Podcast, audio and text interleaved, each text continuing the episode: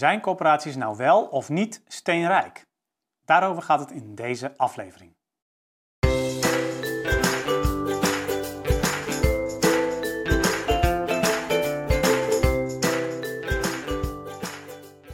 Ja, het is eigenlijk een jaarlijks terugkerende vraag. Hè. Zijn corporaties nou wel of niet rijk? Uh, of ja, in iets andere bewoordingen, hoeveel geld hebben corporaties nou echt? Um, en je ziet het ook, nou, ook dit jaar weer, hè, rondom het verschijnen van de jaarrekeningen. Uh, zie je toch wel veel mensen zeggen van ja, zie je wel, corporaties hebben weer winst gemaakt. Uh, en um, nou ja, of het moet terug naar de huurders, tussen aanhalingstekens, of het moet ergens anders uh, naartoe, het moet naar de overheid, of het moet geïnvesteerd worden door de corporaties.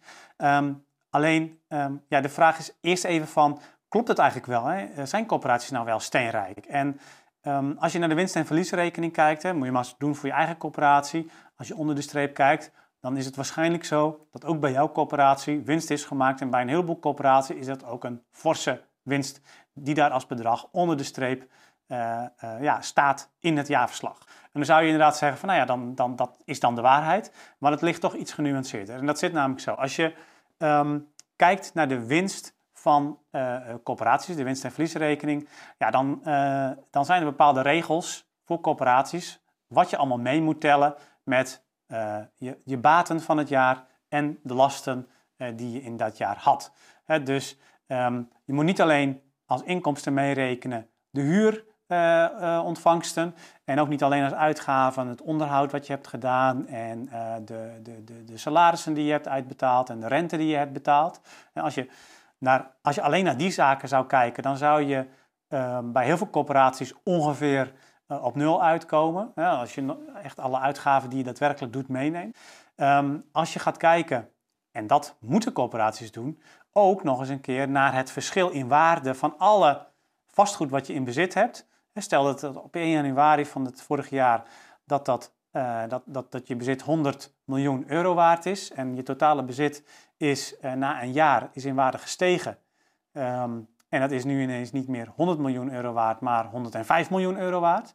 Uh, dan moet je dus die 5 miljoen verschil, dat moet je dus als winst ja, in je winst- en verliesrekening gaan opschrijven. En dat noemen we dan de niet gerealiseerde waardeverandering.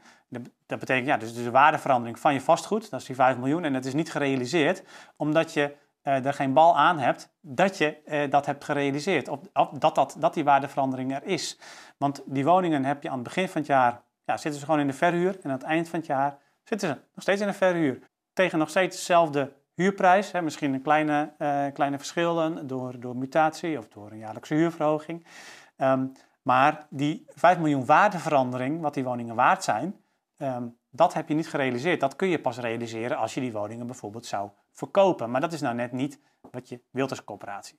Dus um, ja, zijn coöperaties steenrijk? Ja, in een bepaalde manier wel. Uh, want ze hebben dus letterlijk veel stenen. Hè? Dus in de letterlijke zin zou je kunnen zeggen dat coöperaties steenrijk zijn. Het geld staat alleen niet op de rekening. Als je echt wil weten wat uh, wat, de, wat, wat nou de echte winst is van de coöperatie tussen de aanhalingstekens, dan kun je veel beter kijken naar het kasstroomoverzicht en dan ga je kijken naar de kaststroom van de exploitatie. Uh, en daar zie je inderdaad wat een coöperatie in een bepaald jaar daadwerkelijk heeft uitgegeven aan personeelslasten, aan onderhoud, aan rente, aan, aan verhuurderheffing en andere dingen die geld kosten. En uh, wat er is binnengekomen aan huurinkomsten en uh, eventueel andere inkomsten uh, voor de coöperatie. Nou, en dan zie je dat, dat een groot deel van die winst dus verdampt, omdat het niet echte winst is die op de rekening komt, maar ja, puur een fictief bedrag, waardevermeerdering van je vastgoed, van je stenen, um, wat, uh, ja, wat je verplicht bent als corporatie om in je winst- en verliesrekening op te nemen.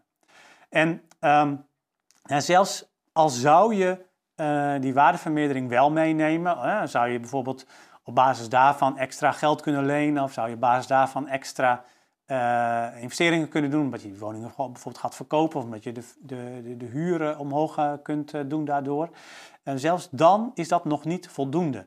Natuurlijk, er gaat veel geld om in de coöperatiesector, maar tegelijkertijd is het ook zo dat er ook een enorme opgave is. En als je kijkt naar de opgave in nieuwbouw, in verduurzaming, in het betaalbaar houden van huren, um, ja, dan is zelfs met al die waardevermeerderingen, al die winst die coöperaties dus op papier vooral maken, zelfs dat is nog niet genoeg om al die nieuwbouw te realiseren, om die verduurzaming te doen en om ook, ook nog eens een keer die uh, huren laag te houden. En um, het is toch wel een hardnekkige uh, misverstand eigenlijk dat coöperaties dus rijk zijn. Het gaat ook wel terug naar het begin van deze eeuw zelfs. Hè. Dus als je uh, kijkt naar bijvoorbeeld 2004 is een rapport verschenen van de, toen nog de Vromraad over het geld wat bij de coöperaties tegen de plinten klotste. En dat was toen ook echt zo. Hè? Dat was toen ook echt zo. Coöperaties hadden toen echt heel veel geld. Uh, maar in 2006 is de uh, vennootschapsbelasting toen nog gedeeltelijk in eerste instantie ingevoerd voor coöperaties, later geheel. Uh, en later is daar ook nog de verhuurderheffing bijgekomen. De belastingdruk is voor coöperaties ontzettend toegenomen. Heel veel coöperaties betalen al meer aan verhuurderheffing dan dat ze betalen aan rentelasten voor hun, voor hun leningen. En um, ja, dat betekent dus dat uh, coöperaties waar ze eerst inderdaad rijk waren, nu dat al lang niet meer zijn. Nog steeds gaat er veel geld in om. Dat geld zit vooral vast in de stenen. Uh, en zelfs als je dat los zou maken, dan nog is het niet voldoende om aan de volksvestelijke opgaven, nieuwbouw, verduurzaming, etc., om daarin te voorzien. Dus um, ja, de vraag van, zijn coöperaties steenrijk? Nou ja, ze hebben veel stenen, maar rijk zijn ze niet.